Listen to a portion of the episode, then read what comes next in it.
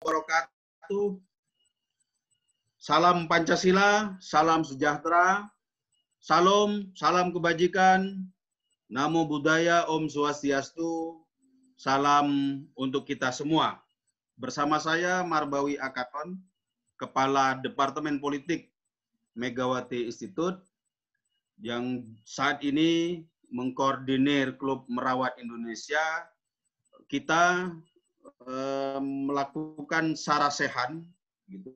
Sekarang yang ke sembilan berarti setiap setelah sore eh, dengan berbagai topik yang eh, ringan tetapi mendalam ya. Tidak topik-topik politik praktis elektoral yang biasa kita saksikan di media. Kita ingin berdialog dan eh, namanya guru gitu kepada rekan-rekan kita anak-anak bangsa yang mendedikasikan dirinya dalam kegiatan-kegiatan yang kita akui sebagai upaya untuk merawat Indonesia, membuat Indonesia tetap uh, eksis, tetap survive, membuat Indonesia tetap optimis dalam proses menuju peradaban yang semakin tinggi. Nah, dari berbagai topik yang ber, apa nama yang berkisar ekonomi, sosial, budaya, senian, pendidikan dan seterusnya. Saat ini bersama saya Kang Farhan, Ahmad Farhan, beliau adalah seorang penggiat peradaban Sindoro Sumbing. Sindoro Sumbing adalah dua gunung kembar, anggaplah demikian, berdekatan, Gunung Sindoro dan Gunung Sumbing di Provinsi Jawa Tengah yang merupakan uh, tempat yang disinyalir, bukan disinyalir tapi sudah diakui oleh dunia arkeologi maupun dunia sejarah wan kita memiliki jejak peradaban yang uh, tinggi ya, yang tinggi. Di sana juga terkenal dengan wilayah apa uh, tembakau yang berkualitas tinggi juga tanaman obat lainnya yang eh, saat ini banyak digunakan sebagai bahan dasar eh, produksi jamu lokal maupun eh, sebagai sumber penelitian akademik di bidang tanaman obat. Nah, Kang Parhan ini kegiatannya sangat luas, tapi kita akan lihat seperti apa sebenarnya gambaran peradaban Sindoro itu karena selama ini lalu tentang Borobudur, lalu tentang Merapi Merbabu, sekitarnya begitu. Tapi Sindoro Sumbing yang juga saya ikuti di beberapa buku sebenarnya memiliki eh, peninggalan-peninggalan yang relevan untuk terus kita jaga dan kita kembangkan. Tetapi kita tidak ingin terjebak hanya pada masa lalu, apa saja hal-hal di masa lalu itu yang bisa direvitalisasi eh, bagi eh, masa depan kita? Di luar soal-soal peninggalan situs tetapi ada juga di sana tentang eh, budaya pertanian yang lebih khusus lalu ada tanaman obat yang lebih khusus dan sebagainya. Silakan silakan Kang Farhan nanti menceritakan apa saja yang sudah dilakukan. Kang Farhan berkegiatan ini seperti apa dan bagaimana kok bisa eh, apa namanya berkelana di dunia eh, perawatan jejak peradaban gitu ya. Dan seperti apa ke depannya itu penting bagi kita. Lalu apa pesan-pesan bagi generasi eh, muda bangsa Indonesia? Tentu saja topik ini nanti kita akan berputar dari Sabang sampai Merauke dari Nias sampai Pulau Rote. Kita akan lihat kita akan mendengar eh, kepada ibu kita tercinta Indonesia. Silakan Kang Farhan, monggo. Baik, uh, selamat sore ya Bang Marbawi dan juga kawan-kawan semuanya yang sudah uh, hadir di forum ini.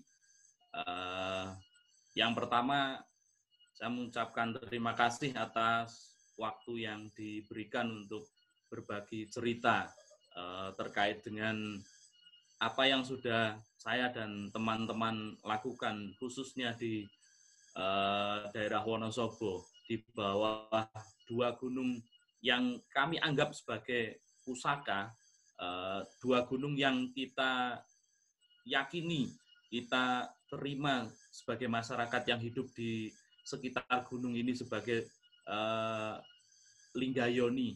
Orang sering menyebut Sindoro Sumbing atau kami juga punya referensi cerita rakyat sebagian orang menyebut sebagai Sindara Sindari atau sepasang gunung laki-laki perempuan.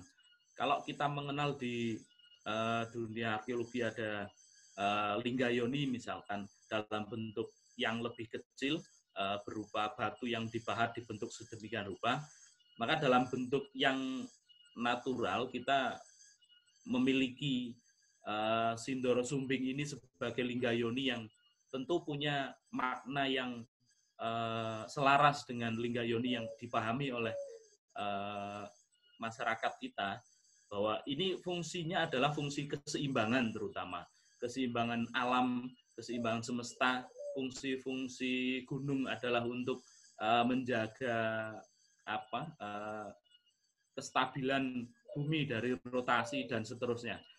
Tentu di gunung juga ada hutan, ada kehidupan hewan dan seterusnya. Ada jutaan jenis tanaman yang punya fungsi semua untuk kehidupan manusia yang ada di sekitarnya.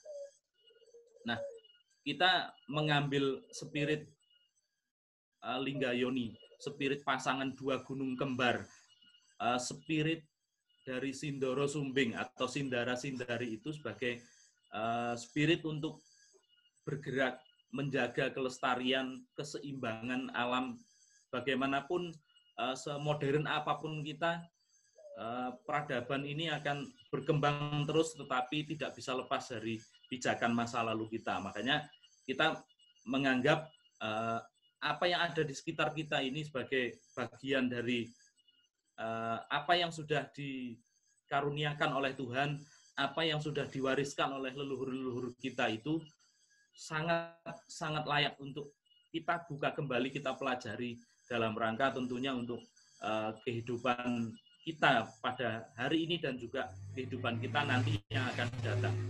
Masa depan tidak akan terbentuk uh, tanpa kita berpijak pada kehidupan masa lalu dan kita tidak akan uh, sebatas apa ya semacam membanggakan bahwa leluhur kita adalah orang yang uh, punya peradaban tinggi tetapi hari ini kita mungkin sekedar menjalani kehidupan mengikuti uh, apa ya alur yang dibentuk oleh orang lain. Sementara ilmu pengetahuan yang diwariskan kepada kita sama sekali tidak kita sentuh. Baik itu terkait dengan arsitektur, ya, terkait dengan uh, dunia pengobatan dan seterusnya. Nah, salah satu konsen kita adalah uh, dalam ini uh, ada ada tim kita yang yang secara khusus mempelajari warisan naskah dari uh, mbah-mbah kita itu dipelajari kemudian kita cari dari naskah tersebut uh, salah satu bagian isinya adalah terkait dengan nama-nama tanaman nama-nama daerah yang uh, di mana tanaman-tanaman itu tumbuh dan sekaligus fungsi untuk uh, terutama adalah fungsi untuk kesehatan. Nah, itu menjadi salah satu konsen kita, ada tim kita yang secara khusus mempelajari itu kurang lebih sudah setahun mulai setahun yang lalu uh, dan juga sekaligus kita mempraktekkannya di mana beberapa uh, penyakit yang secara medis mungkin uh, dinilai berat tetapi dengan uji coba uh, menggunakan ramuan-ramuan yang telah telah di apa dipraktekkan oleh tim kita itu ternyata mereka bisa secara apa secara medis terselesaikan. Dengan dengan ini ya dengan dengan pengobatan lama dengan pengobatan ilmu pengobatan kuno yang diwariskan dari leluhur kita dan bahan-bahan yang kita pakai adalah bahan-bahan yang di sekeliling kita itu ada. Ya, jadi kita mendasarkan uh, praktek itu melalui naskah yang ada, kemudian kita cari eh, tanaman-tanaman itu kemudian kita ramu, kita berikan ke orang-orang yang membutuhkan dan itu kita berikan secara gratis dan target kita nanti kalau kajian eh, naskah ini sudah selesai kita juga akan memberikan edukasi ke masyarakat secara umum dan masyarakat nanti akan mempraktekannya sendiri. Jadi bukan dalam rangka kami mempelajari itu untuk uh, memproduksi entah itu dalam bentuk jamu dan lain sebagainya, tetapi uh, orientasi kita adalah bagaimana masyarakat kembali mempelajari uh, manfaat tanaman-tanaman yang ada di sekitar kita untuk kehidupan terutama kebutuhan kesehatan masyarakat kita dan itu semuanya disediakan gratis oleh Tuhan di alam ini, di sekitar kita ini. Uh, kalau kita melihat salah satu kebutuhan terbesar kita di era modern ini kan kebutuhan tentang kesehatan. Ketakutan kita atas uh, datangnya penyakit misalkan memunculkan satu apa ya bisnis baru tentang asuransi misalkan atau ketika kita sudah benar-benar terkena sakit kita akan uh, terbebani oleh biaya pengobatan, obat-obatan yang mahal. Dengan kita mencoba mempraktekkan beberapa ramuan-ramuan sesuai dengan petunjuk naskah lama tersebut, ternyata dengan apa namanya eh, bahan-bahan yang kita cari di sekitar kita diramu, diproses sesuai petunjuk yang ada di situ, uh, alhamdulillah banyak yang merasakan manfaatnya dan uh, salah satu kelebihannya adalah tidak ada efek samping. Ramuan-ramuan tradisional itu ketika kita praktekkan tidak ada efek samping dan ketika kondisi tubuh kita sudah normal dan kita tetap mengkonsumsi itu pun tidak akan bermasalah. Dan hampir semua uh, jenis apa namanya ramuan tradisional itu punya manfaat yang yang sebetulnya luar biasa. Hanya mungkin perbedaannya dengan uh, teknologi pengobatan modern mungkin uh, jelas uh, ada beberapa yang memang di situ ada kelemahan. Tetapi sekali lagi bahwa yang perlu kita tekankan bahwa untuk menapak peradaban kita yang akan datang di masa depan, pijakan masa lalu itu jangan sampai kita tinggalkan banyak sekali manfaat yang bisa kita ambil dari sana. Tentu hari ini kita prosesnya adalah mempelajari eh, apa rumusan racikan dari ilmu pengetahuan masa lalu itu untuk kita kemudian kembangkan ke depannya adalah kita kembangkan sebagaimana kebutuhan kita hari ini.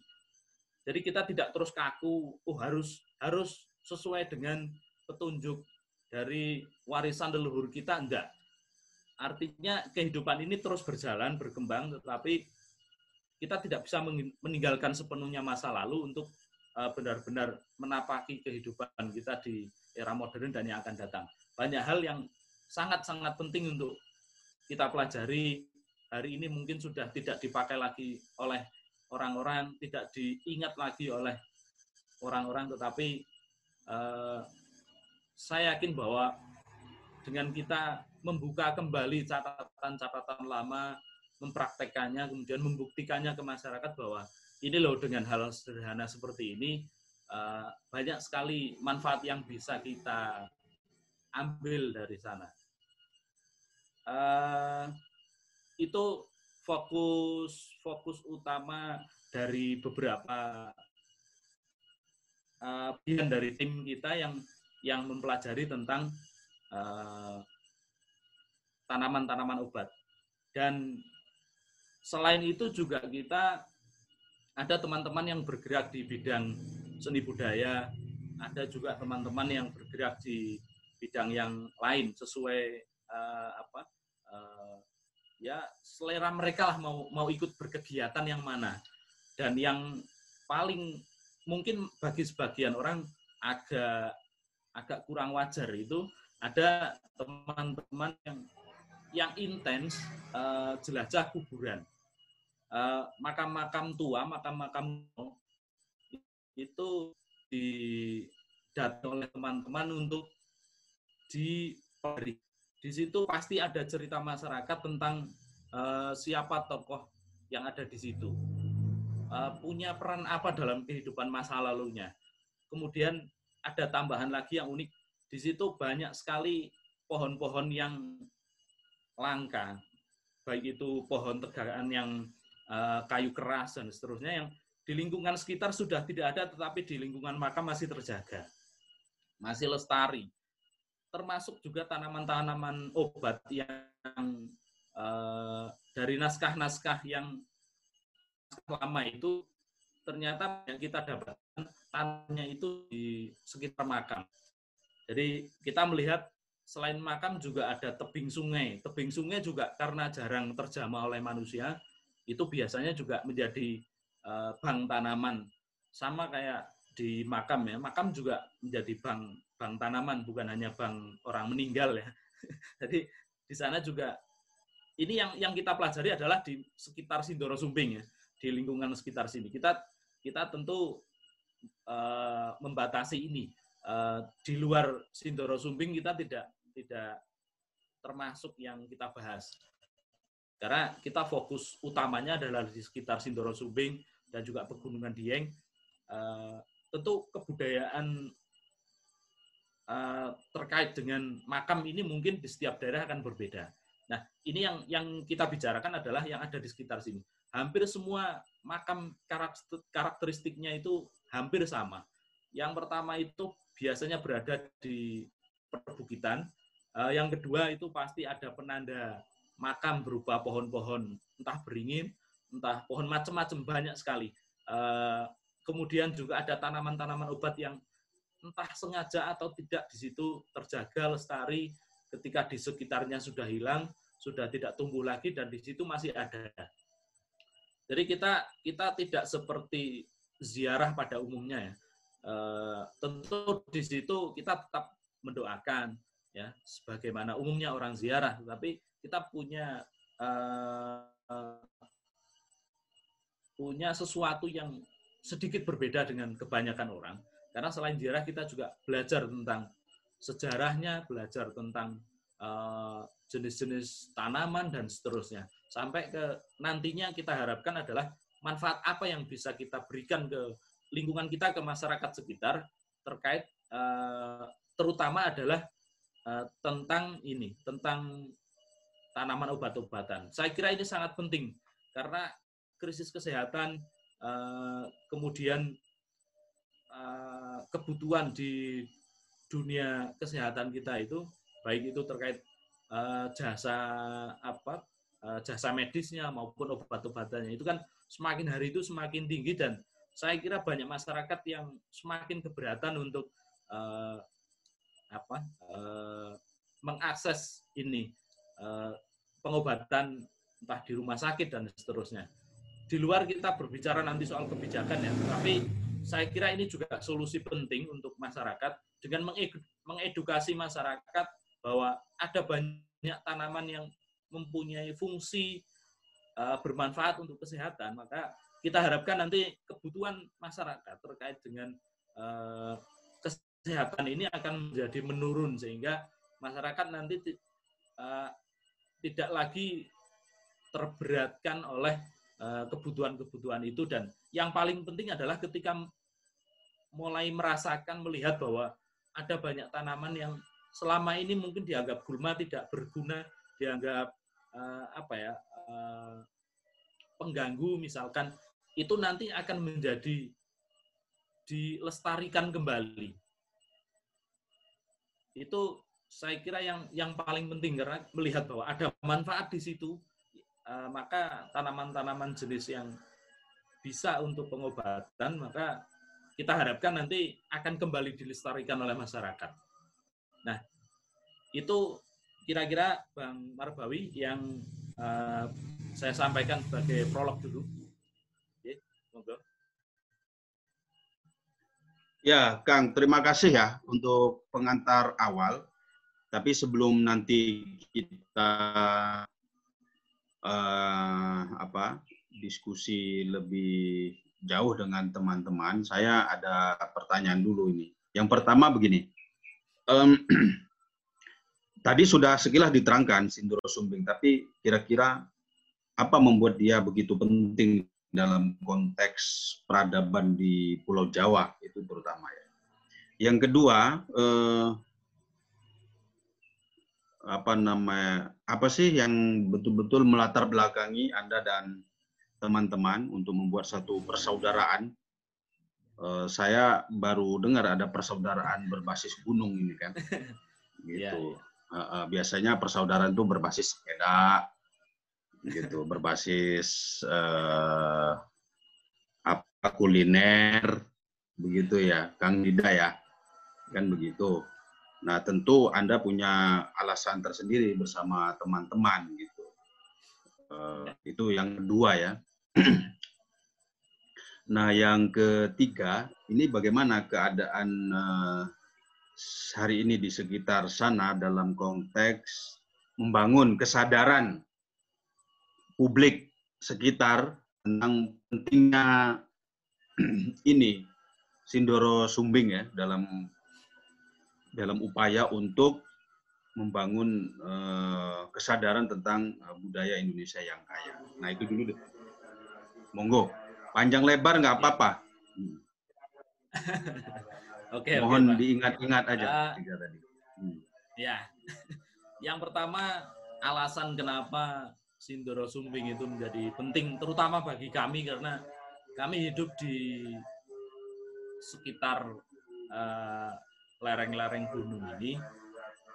Yang kedua, posisi Sindoro Sumbing yang berada di tengah Pulau Jawa, posisinya adalah uh, berada di tengah-tengah Pulau Jawa dan gunung ini unik karena uh, dari sisi uh, Wonosobo itu terlihat menyebutnya sebagai gunung kembar atau dulu kita mengenal lukisan-lukisan yang ketika zaman SD misalkan waktu kita sekolah dulu itu selalu menjadi imajinasi anak-anak uh, sekolah untuk menggambar melukis itu adalah dua gunung kemudian ada oh dua gunung zaman SD dulu terus ada nah, matahari ya, nyembul ya? itu nah, ada gitu ya. matahari ya. nyembul itu Sindoro nah, Sumbing oh Saya itu Mas Dida sejarah sejarah imajinasi melukis zaman tahu. SD itu rupanya itu ya.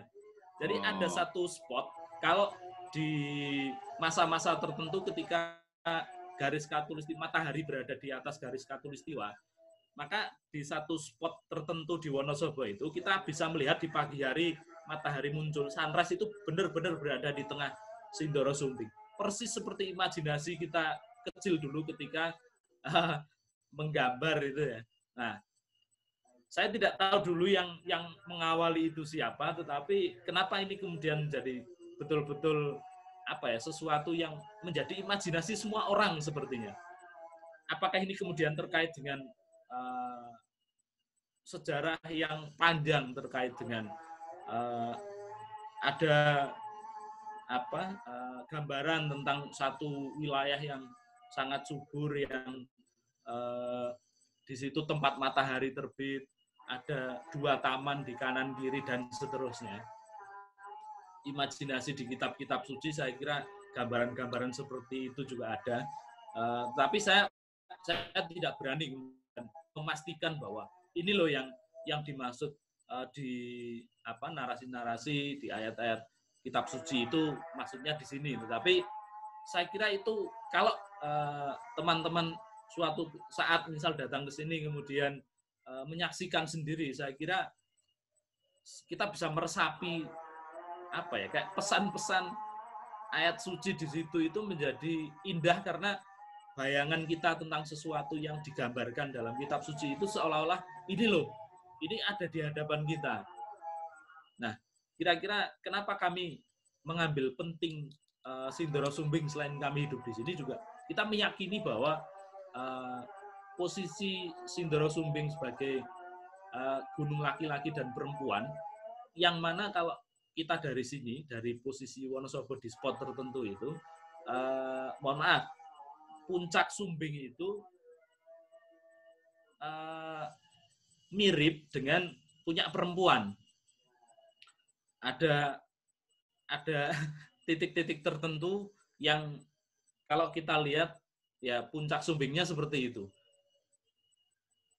Uh, teman-teman yang mungkin penasaran kepengen suatu saat ke sini bisa kami nanti mengantar. Yang paling enak nanti musim musim sekitar Agustus. Nanti dicek jadwal ini posisi matahari yang uh, selama Agustus garis katulistiwa. hmm. ya kalau musim-musim gini sering hujan mendung kan nanti nggak oh. ketemu posisi yang paling pas iya, sesuai iya. imajinasi kita dulu bang. nah kalau mau ngambil momen yang pas ya itu sekitar Agustus itu. Nah itu saya kira menjadi sangat penting kenapa kemudian kita memilih memilih nama juga menjadi persaudaraan Zin. Uh, persaudaraan ini kita kita ambil uh, uh, karena kita tidak ingin kemudian kita ter apa ya terpola dalam model organisasi modern di mana secara apa manajemen dan seterusnya itu dalam bentuk yang kaku. Kita mengambil persaudaraan itu supaya kita lebih cair, supaya kita tidak ya, tidak terlalu pakem gitu ya. Harus harus melakukan ini itu dan seterusnya. Kita mengambil satu pola yang benar-benar cair mengapa kemudian kita sebut sebagai persaudaraan. Jadi siapa pun yang datang, siapa pun yang mau bergabung, siapa pun yang mau mengambil peran di situ, kita tidak tidak ada batasan kemudian harus Wonosobo misalkan. Nah, ketika kita memaknai Sindoro Sumbing sebagai satu simbol Linggayoni yang khas Nusantara, berarti kita juga berpikir bahwa kita nantinya suatu saat, entah kapan, apa yang kita dapatkan keilmuannya di sini akan bisa kita tularkan, kita kembangkan ke siapa pun, ke mana pun, selama itu adalah uh, punya nilai manfaat untuk uh, orang lain. Jadi prinsipnya adalah uh, siapa pun boleh, baik itu mengambil uh, entah itu keilmuan, entah apa pun, dan juga sekaligus semuanya boleh berbagi, uh, berbagi ilmu pengetahuan dan sebagainya yang kami lakukan mungkin masih sangat kecil, masih sangat minim ya, tetapi kita selalu membangun spirit untuk hal-hal yang besar, untuk sesuatu yang nilai manfaatnya itu untuk uh, masyarakat luas. Ya walaupun kalau misal dicek mungkin kita belum apa-apa lah, yang yang kita lakukan mungkin belum belum akan terlihat belum apa-apa. Tapi setidaknya pijakan niat kita adalah niat untuk uh, sesuatu yang besar itu terkait dengan kenapa persaudaraan sin. Uh, gambarannya kira-kira seperti itu, Bang. Tadi yang ketiga soal bagaimana uh, cara persaudaraan sin membangun kesadaran warga uh, tentang arti dari uh, keberadaan masa lalu Sindoro Sumbing dan Eh, nilai pentingnya bagi keberadaan mereka juga hari ini ya. untuk membangun proyeksi-proyeksi mereka karena rata-rata profesi warga kan petani ya. Ya. Yang biasanya mohon maaf tidak terlalu eh, apa ya, tidak terlalu apa responsif gitulah kira-kira ya. terhadap upaya-upaya seperti yang Anda lakukan. Ini kan biasanya dilakukan oleh ya sekelompok anak muda intelektual yang punya kesadaran terhadap sejarah eh, kampungnya begitu lalu berupaya melakukan semacam sebutlah revitalisasi Ya. Uh, sentral gerakan kita itu kan sebetulnya di jelajah makam itu. Jadi kita datang ke satu desa ke desa yang lain, kita mencari informasi adakah uh, makam tua di situ, itu alat komunikasi eh, kita ke masyarakat. Jadi selain kita mendapat informasi secara otomatis, kita juga akan berinteraksi dengan masyarakat, terutama sesepuh yang ada di situ untuk uh, kita gali informasinya, uh, sekaligus uh, kita apa ya, ada dialog, ada sesuatu yang mungkin sudah kita dapatkan uh, informasinya kita sampaikan ke masyarakat untuk uh, membangun kembali model model pertanian lama kita yang uh, masih sangat sangat relevan untuk kita praktekkan. Misal bagaimana menata jenis-jenis tanaman yang ada di sawah, di ladang itu bukan monokultur. Tapi harus di situ harus ada penataan jenis-jenis tanaman yang di situ nanti fungsinya akan ada pengendali hama, ada nanti fungsinya untuk obat-obatan hama uh, dalam arti uh, juga sekaligus untuk obat-obatan yang dikonsumsi manusia, bumbu-bumbu dan seterusnya. Nah, praktek pertanian monokultur ini kan menjadi problem yang apa? Uh, yang cukup berat bagi masyarakat ketika mereka panen kemudian harga jatuh. Ya. Kemudian mereka akan kesulitan mengendalikan hama, membasmi kalau sekarang hama itu dibasmi ya. Kalau dulu kan dikendalikan. Jadi penataan sosial masyarakat, penataan uh, di lahan dan seterusnya itu kalau dalam ilmu pengetahuan lama itu kan sebetulnya terkait, semua terkait. Semua di, ditata benar-benar. Jadi uh, sampai kapan pun sebetulnya orang-orang yang misalkan ya, misalkan jahat, misalkan ya kayak hama tadi, sebetulnya tidak akan tidak akan pernah bisa dibasmi. Tetapi itu bisa dikendalikan. Hama, wereng segala macam itu tidak bisa dibasmi tetapi bisa dikendalikan.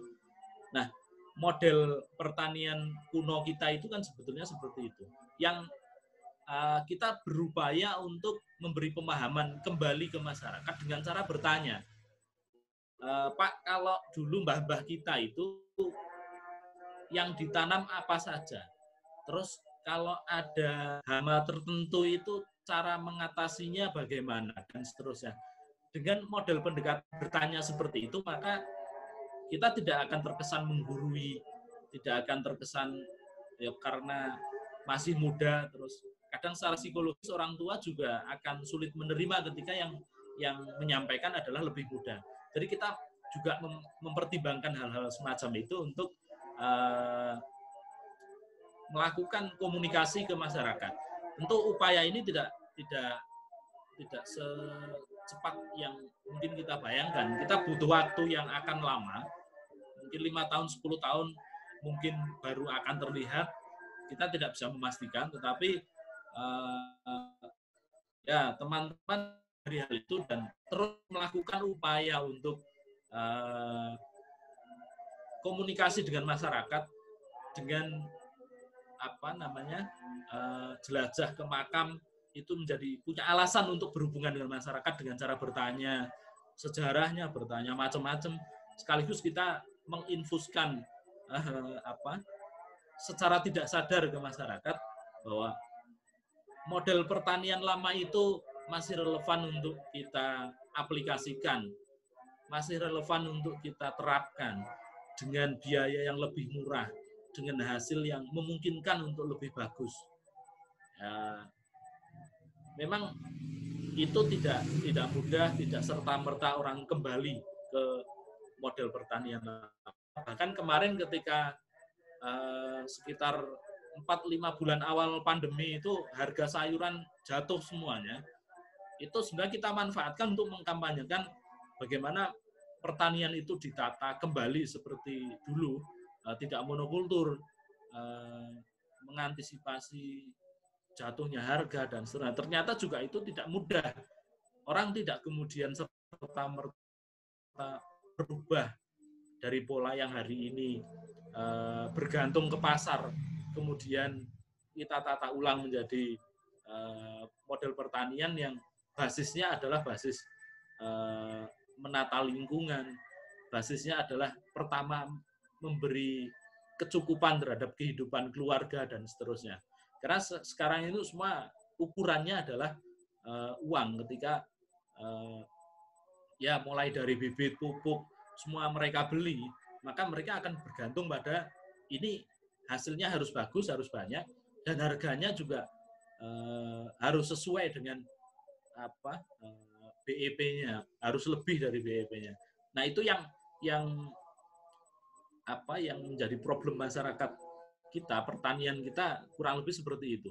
Dengan kembali ke model pertanian lama itu sebenarnya kita lebih akan lebih menghemat eh, dan nanti yang kita gantungkan ke pasar itu setelah itu mencukupi kebutuhan kita. Misal kita punya lahan satu hektar, eh, setengah hektarnya adalah kita tanami kebutuhan pokok kita, entah itu untuk padi, entah itu untuk ketela, dan lain sebagainya, untuk hidup sampai panen lagi, misal 4 bulan, 6 bulan, satu tahun. Uh, selebihnya adalah tanaman-tanaman obat, bumbu, dan seterusnya. Nah, sisa dari apa untuk mencukupi kebutuhan kita itu baru komoditi yang memungkinkan untuk dilempar ke pasar. Ibaratnya kalau orang orang judi kalau model petani-petani di sini itu menanam itu sampai mengatakan ini judi.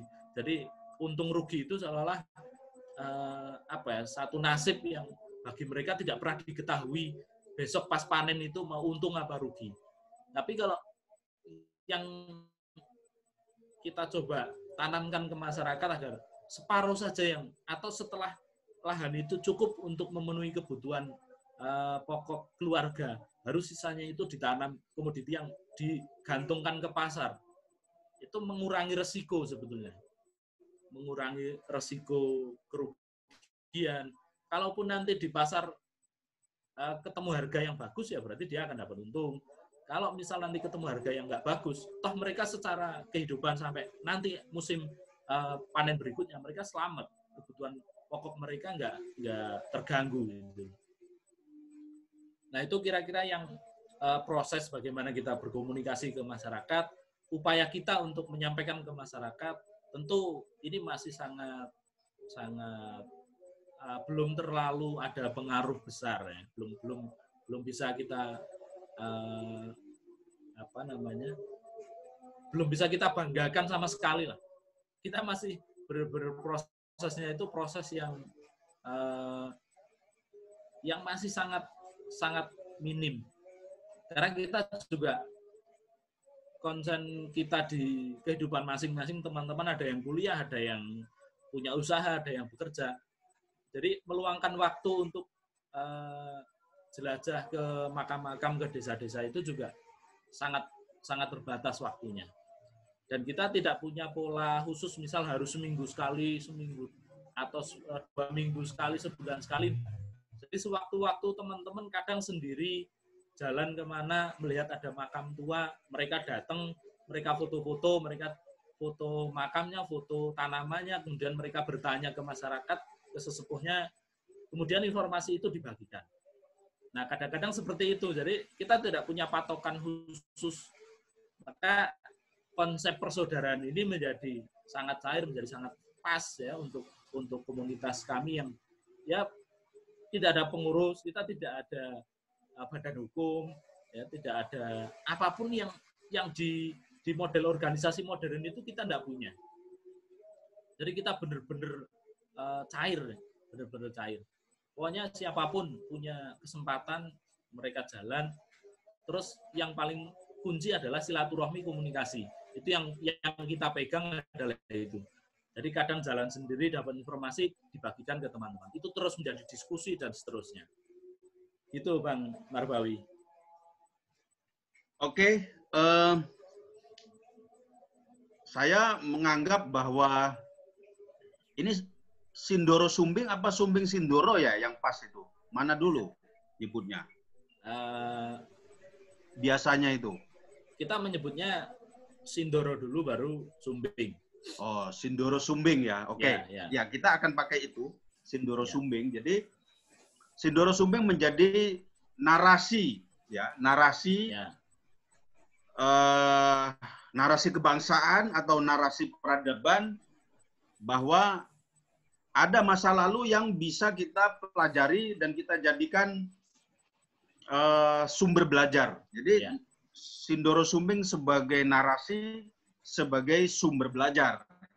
Itu yang saya tangkap dan yeah. saya kira eh, titik inilah yang menjadi eh, titik terpenting sebenarnya apa pun yang dilakukan oleh Kang Farhan bersama teman-teman di persaudaraan SIN atau secara personal begitu bahwa Sindoro Sumbing itu menjadi sumber belajar.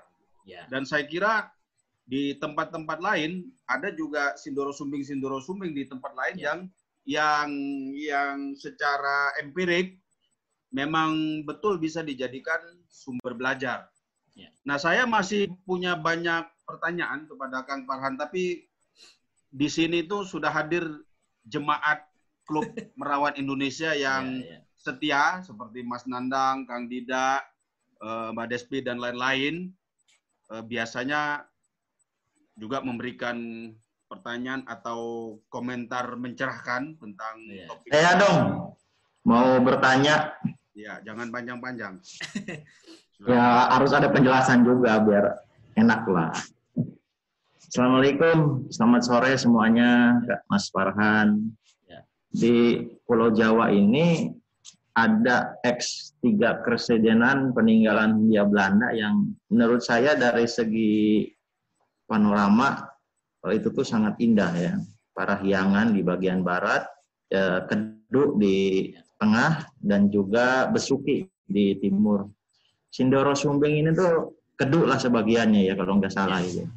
Nah, eh, beberapa tahun yang lalu ya sebelum pandemi awal akhir 2018 saya pernah melakukan trip dari Salatiga sampai Magelang itu kan eh, ada panorama lima gunung enam lah Andong, Merbabu, Merapi, eh, Sumbing karena Sumbing itu tuh udah masuk ke apa namanya tuh perbatasan Kabupaten Temanggung dan Magelang kalau nggak salah sebelah baratnya baru ke Wonosobo. Nah dari beberapa eh, titik yang saya apa turun dari kendaraan itu memang sangat menarik gitu. Ada festival lima budaya yang rutin diselenggarakan oleh masyarakat sekitar komunitas di setempat itu terutama di bagian Magelang dan eh, Ya. Temanggungnya itu juga beberapa apa ya spot-spot eh, hijau di sana yang udah dijalankan secara mandiri oleh komunitas-komunitas anak muda di sana. Cuman yang jadi eh, pertanyaan saya adalah gini, biasanya kalau suatu daerah itu sudah di eh, tapaki oleh pendatang dari luar, apalagi pemerintah daerah setempatnya eh, membuka rute-rute pariwisata, saya khawatir seperti Periangan di bagian barat dan juga Besuki di bagian timur, di mana Periangan itu udah jangan ditanya lagi. Begitupun Besuki ya, hingar-bingarnya Bromo itu berdampak kepada lingkungan. Ya, ya. Nah, apalagi sekarang yang saya udah dengar itu sejak saya akhir 2018 ke sana pun di wilayah Temanggung dan Magelang tuh ada istilah Nepal Han Java. nah, Di terutama kalau dia Magelang dan Temanggung itu kan masih wilayah Kedu dan sebelah timurnya Sindoro Sumbing kan. Nepal Panjava ini jangan sampai dijadikan eh, alasan untuk pemerintah daerah, terutama dinas pariwisata dan kebudayaannya, untuk mempromosikan eh, peradaban ini tuh kalau biasanya kembali lagi ke awal kata saya tadi, kalau udah di, dijaki oleh para pendatang tuh ya biasanya berdampak ke lingkungan. Ya mungkin Ya. ada antisipasi apa dari komunitas ini sendiri, Mas Farhan. Saya cukup sekian aja. Soalnya saya juga nih akhir tahun nih, Bismillah, mau menjejaki Nusantara diawali dari Danau Toba. Oh, iya. Luar Iya. biasa. Terima kasih. Iya. Ya. Kang Dida, silakan. Mbak Despi juga silakan. Saya tunggu. Tadi sudah ngangkat tangan. Silakan. Ya silakan lanjut aja. Mantap, sudah mantap. lanjut aja Kang Farhan. Saya Oke. sudah sering komunikasi. Heeh. Ini ada Muhammad Husni ini. Barangkali mau merespon. Silakan Kang Muhammad Husni. Monggo lanjut aja. Oke, oke. Lanjut aja ini maksudnya anu silakan anu ya kumpul aja gitu. Ya Kang Dida itu loh pandangan kebudayaannya loh. Itu Dida pandangan kebudayaannya udah barat. Backgroundnya lihat Golden Gate, apa itu San Francisco itu. Jangan mentang-mentang isolasi ini.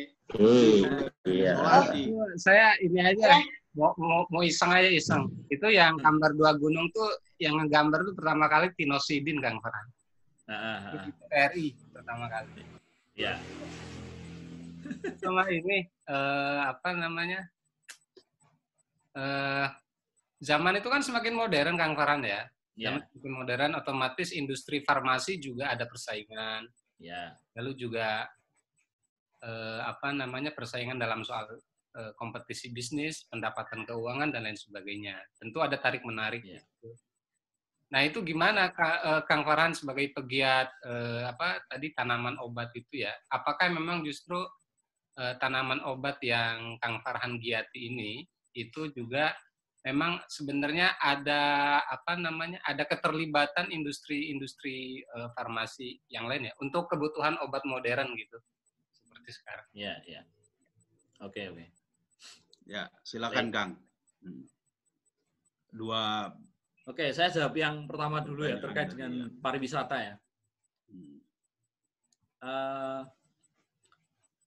ini menjadi tren yang mungkin di semua tempat eh, ketika sebelum pandemi ini ya. Eh, perputaran uang di dunia pariwisata itu kan luar biasa. Makanya program-program pemerintah terkait objek-objek wisata baru dan seterusnya itu menjadi sangat gencar sekali. Tentu eh, teman-teman juga secara otomatis mengkhawatirkan bagaimana eh, keterjagaan lingkungan ini bisa terus eh, lestari ya. Eh, kita mengupayakan beberapa kritik, beberapa apa pemahaman ke masyarakat tentang pentingnya menjaga lingkungan, kelestarian lingkungan dan seterusnya itu. Secara apa ya gerakan untuk me- membatasi kebijakan tentu kita tidak tidak punya kemampuan ke arah sana.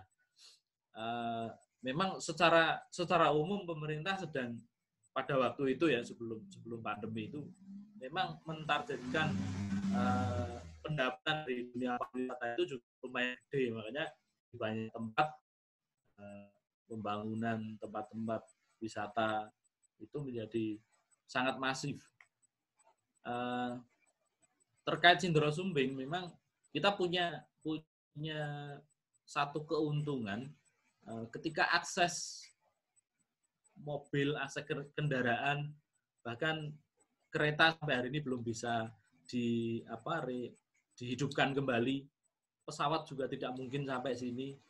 Nah, akses yang sulit ini menjadi satu keuntungan tersendiri bahwa semasif apa pun eh, apa eh, pembangunan di dunia pariwisata kalau di Wonosobo saya kira tidak mungkin akan seramai Bali atau tempat-tempat lain.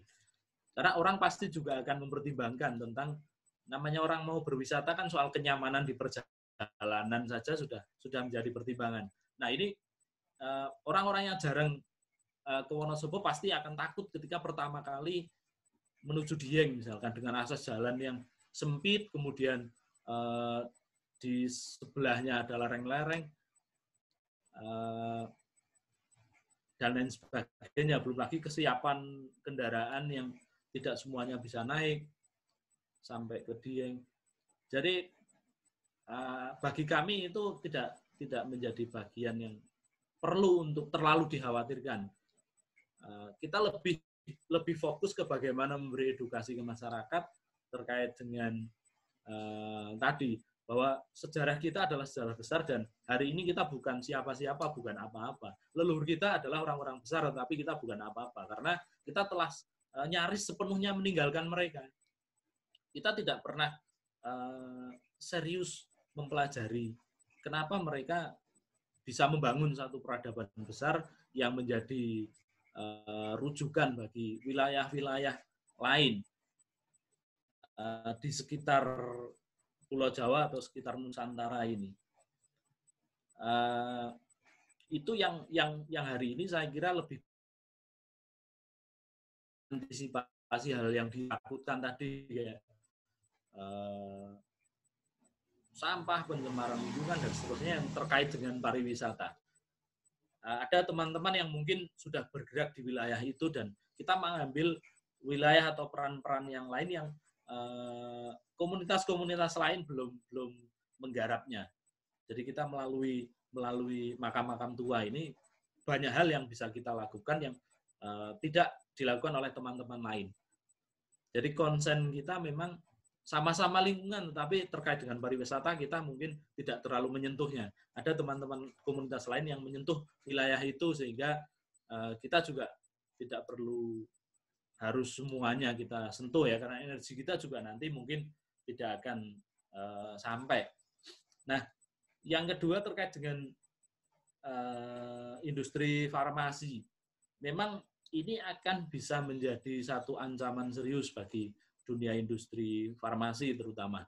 Uh, ini benar-benar terjadi ketika uh, teman kita yang yang mempraktekkan ramuan-ramuan itu memberikan ke orang yang membutuhkan secara gratis itu ya ada pihak-pihak tertentu yang mendatangi uh, mungkin niat baiknya adalah mempertanyakan tentang uh, kandungan yang ada di apa tanaman-tanaman itu ada efek samping atau tidak dan seterusnya. Tetapi pada akhirnya kemudian eh, pihak-pihak ini mengajak kerjasama.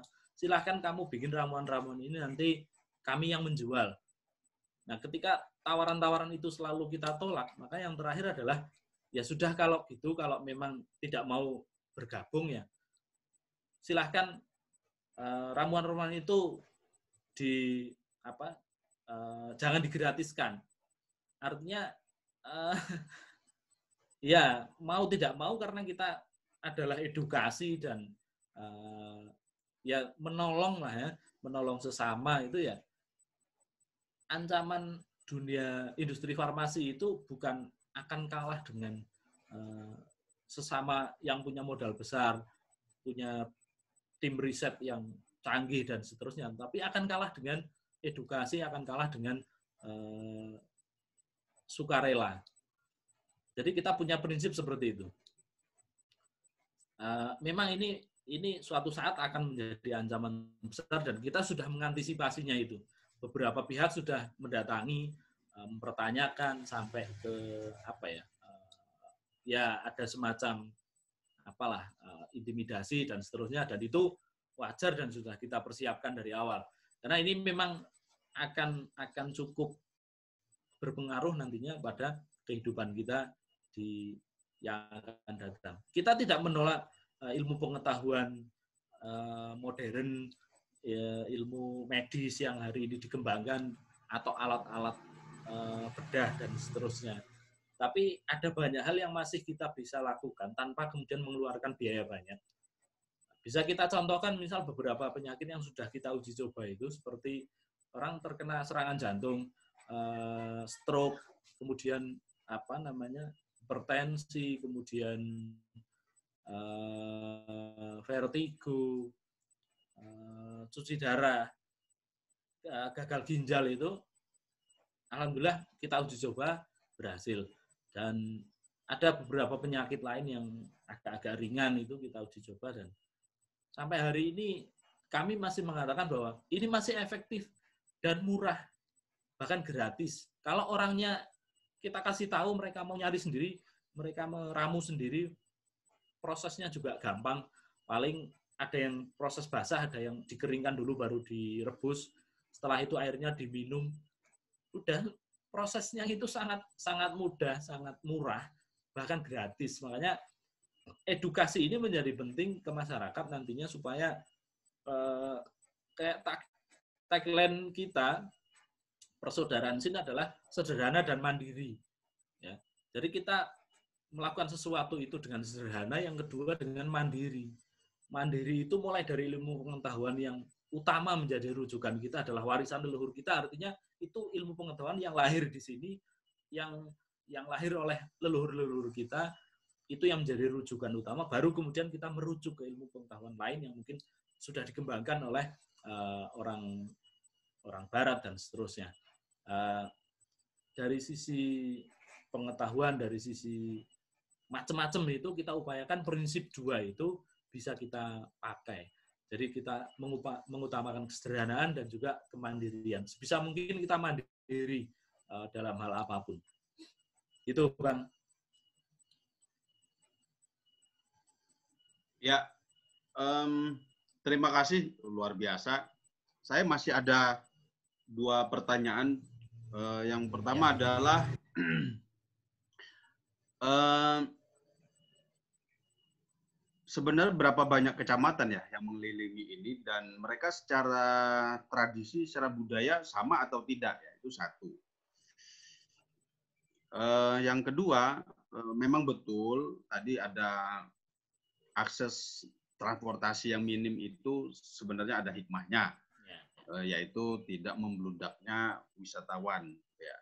Tapi kan eh, bisa dibalik logikanya sebenarnya dengan membludaknya wartawan asal dikelola dengan baik, lalu punya manfaat ekonomi begitu ya, eh, Ya. dan meningkatkan kebahagiaan maupun kesejahteraan warga. Ya. Nah, Itu. Eh, memang pariwisata itu menjadi satu sumber perekonomian perputaran uang yang sangat cepat dan melibatkan banyak orang ya. ya. itu kita nah. kita tidak menolak itu. Mm-mm. Eh, yang pertama tadi bagaimana? Sebenarnya berapa kecamatan sih yang melilingi itu? Kalau di total ada berapa manusia tuh yang hidup di sekitaran lereng eh, dua gunung ini gitu? Ini kan Dan apakah punya wilayah kesamaan adat kebiasaan juga sehingga memudahkan anda untuk memberikan narasi sebagai sumber belajar? eh, wilayahnya itu meliputi Kabupaten Wonosobo, Magelang, Temanggung. Itu jadi ada tiga kabupaten yang eh, secara administratif berada di bawah dua gunung itu, eh, Sindoro Sumbing. Karakteristiknya kebudayaannya hampir-hampir sama. Eh, tidak ada apa namanya perbedaan yang signifikan enggak hampir-hampir sama. Masyarakat pegunungan itu di mana pun sebenarnya hampir sama. Eh,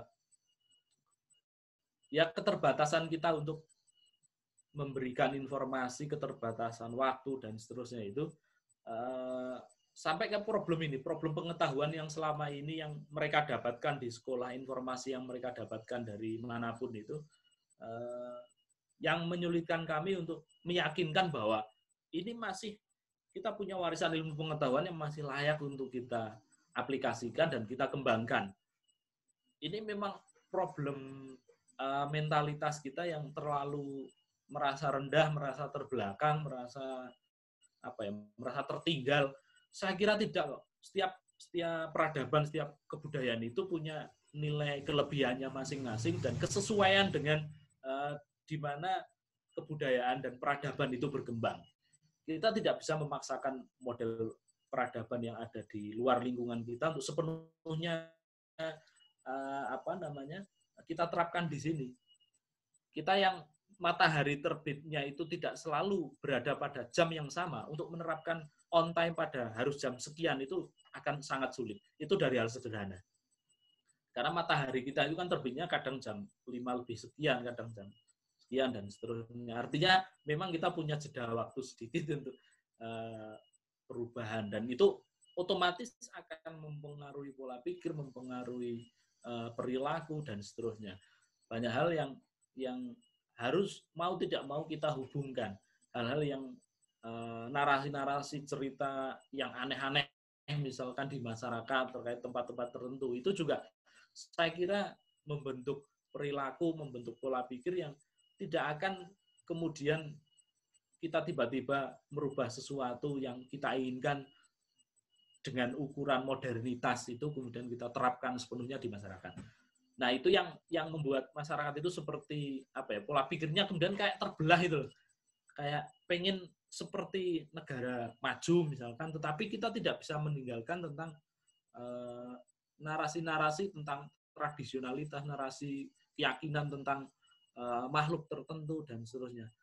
Tapi kalau kemudian kita balik bahwa ini adalah pengetahuan yang luar biasa milik kita, uh, imajinasi leluhur kita tentang makhluk-makhluk itu kan sangat luar biasa. Ini kalau kita terima ini sebagai satu karya, karya sastra misalkan, mereka bisa menciptakan ragam tokoh yang uh, tidak terlihat oleh mata telanjang, tetapi bisa mempengaruhi pikiran masyarakat misalkan. Uh, ada puluhan jenis apa ya dedemit misalkan kenapa itu tidak kemudian dikaji dari sisi kesusastraan, dari sisi teater, misalkan ilmu ilmu pemanggungan dan seterusnya. Tapi eh, hal-hal yang anggaplah itu sebagai tahayul, sebagai sosok-sosok yang tidak pernah ada itu sebagai sebuah karya sastra yang secara lisan turun temurun dan itu mempengaruhi pola pikir dan perilaku masyarakat. Coba kita kita mencoba melihat itu dari sisi yang ilmu pengetahuan modern, tapi melihat realitas yang ada di masyarakat kita. Saya kira itu nanti akan menjadi menarik. Kenapa harus ada setan A, setan B, setan C, dan seterusnya.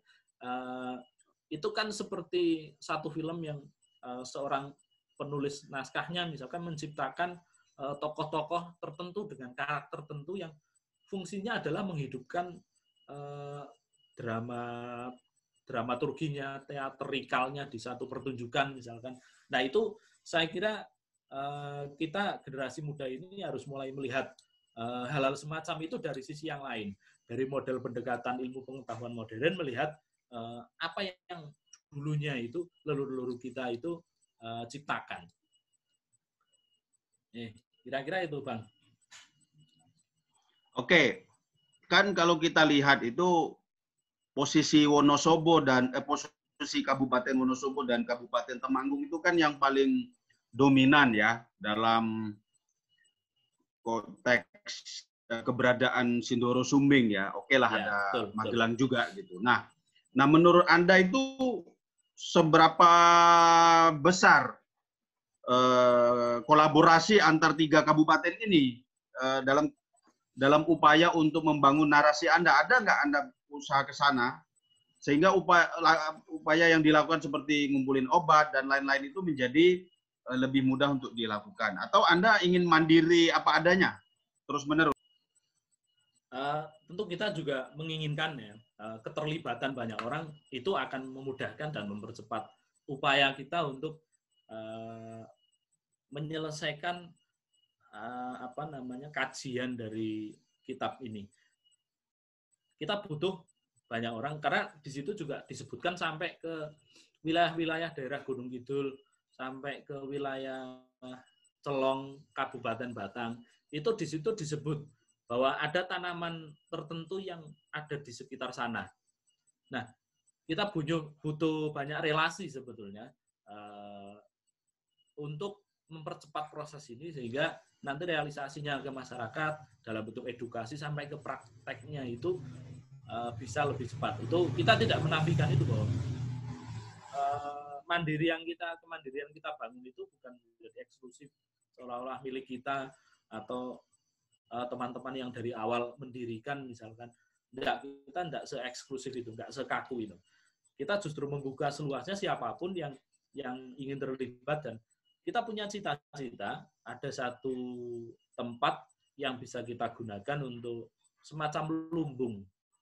Uh, lumbungnya kita konsepnya sudah ada, uh, namanya sudah ada, tetapi memang belum kita mulai karena pendataan jenis-jenis tanamannya itu juga kita belum selesai. Harapannya nanti lumbung itu akan jadi tempat penyimpanan sekaligus uh, tempat distribusi. Ketika ada orang membutuhkan beberapa tanaman tertentu di lumbung itu ada dan kita tinggal mengirim ke orang yang membutuhkan. Dan itu nanti imbal baliknya adalah yang kita butuhkan di situ juga bisa dikirim dari mereka. Dari siapa pun, entah itu lingkungan Sindoro Sumbing atau uh, bahkan di luar Jawa atau di mana pun. Uh, itu salah satu yang sempat kita obrolkan, kita cita-citakan untuk kita dirikan. Eh, namanya adalah lumbung keropak Darmo Pamule. Jadi keropak itu adalah jenis-jenis tanaman obat tadi. Uh, Darmo Pamule itu adalah doa-doa atau mantra penyembuh. Jadi peradaban gunung itu bukan peradaban yang tidak mengenal ketuhanan, justru sebaliknya bahwa apa pun yang dilakukan oleh uh, leluhur kita adalah semua dikaitkan dengan uh, ketuhanan. Uh, itu yang yang menjadi cita-cita kita membuat lumbung tadi yang mungkin hari ini belum ada mungkin itu bang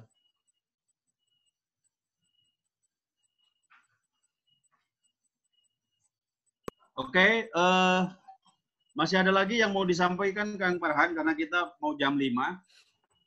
Eh, apa saja eh, yang ingin disampaikan kepada generasi muda ya? Eh, apakah menurut Anda eh, ada minat generasi muda terhadap yang dilakukan oleh persaudaraan SIN ini? Dan apa strategi Anda untuk eh, membuat mereka tertarik? Yang kedua, pesan-pesan Anda ya sebagai closing statement. Karena di tempat saya juga mulai hujan ini, jadi nanti nggak Ya. kedengeran. Hmm. Iya, ya, oke. Eh, yang terlibat di persaudaraan SIN ini justru anak-anak muda, Bang. Jadi kalau kita berbicara anak muda, maka yang kita lakukan sudah sudah semuanya terkait dengan anak muda yang mau membangun silaturahmi komunikasi dengan orang-orang tua dengan kaspuan ya. Eh, yang paling penting adalah kita harus punya rasa kepercayaan diri bahwa apa pun yang sudah pernah dilakukan oleh leluhur kita akan bisa kita pelajari, kita aplikasikan kembali, kemudian kita kembangkan untuk kehidupan kita hari ini dan juga kehidupan kita dan anak cucu kita nanti di kemudian hari. Eh, prinsipnya adalah kita harus punya kepercayaan diri terhadap apa pun yang telah dimiliki oleh kita. Alam kita, keilmuan yang ada di sekitar kita itu menjadi penting untuk kita pelajari dan kita kembangkan tentunya eh, untuk manfaat kita semuanya. Itu Bang.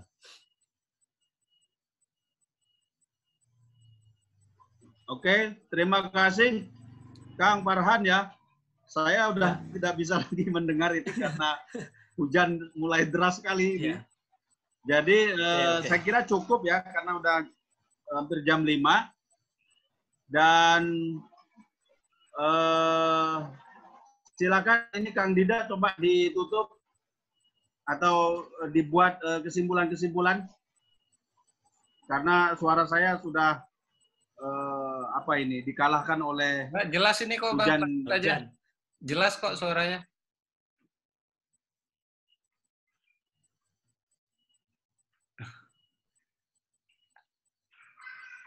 Suaranya jelas Bang Bawi, lanjut saja.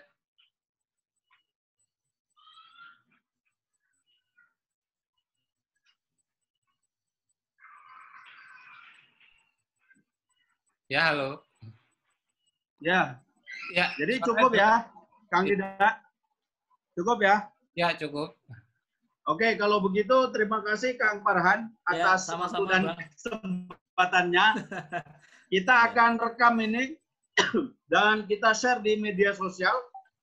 Eh, semoga bisa dinikmati oleh seluruh bangsa dan rakyat Indonesia. Kita tetap optimis merawat Indonesia dari sulur-sulur kenusantaraan seluruh Indonesia, udara, langit, dan bumi, bahkan di dalam tanah, kita siap untuk eh, menggali eh, warisan leluhur kita yang luar biasa. Bangsa ini sudah berabad-abad tinggal di sini membangun peradaban, ya mosok nggak ada satupun yang bisa kita pelajari. Masa semuanya harus dari luar? Kita tidak anti asing, tidak anti luar, tapi mosok ya kita itu nggak pede dan nggak punya sesuatu dari bangsa kita sendiri. Kita bisa belajar kepada burung, kepada hutan, kepada laut, kepada air, kepada sungai, kepada semilir angin, kepada tsunami, kepada gempa bumi, dan semua itu adalah guru-guru kita. Kita adalah bumi yang paling lengkap dengan guru-guru alam yang eh, apa namanya yang jujur kepada kita, tetapi kita selalu tidak jujur kepada alam dan selalu ingin memperkosanya. Nah, semoga dengan upaya-upaya kita ini kita selalu semakin bijaksana membangun Indonesia kita yang kita cintai bersama Klub Merawat Indonesia Megawati Situ. Sekali lagi terima kasih Kang Farhan, Kang Dida, sama-sama, Mbak. Devi, Mbak Despi, Kang Husni dan teman-teman lainnya. Semoga kita bisa ketemu lagi setiap Selasa di kesempatan yang sama. Assalamualaikum warahmatullahi wabarakatuh. Salam sejahtera, salam Pancasila, Marbawi Akaton, Merdeka.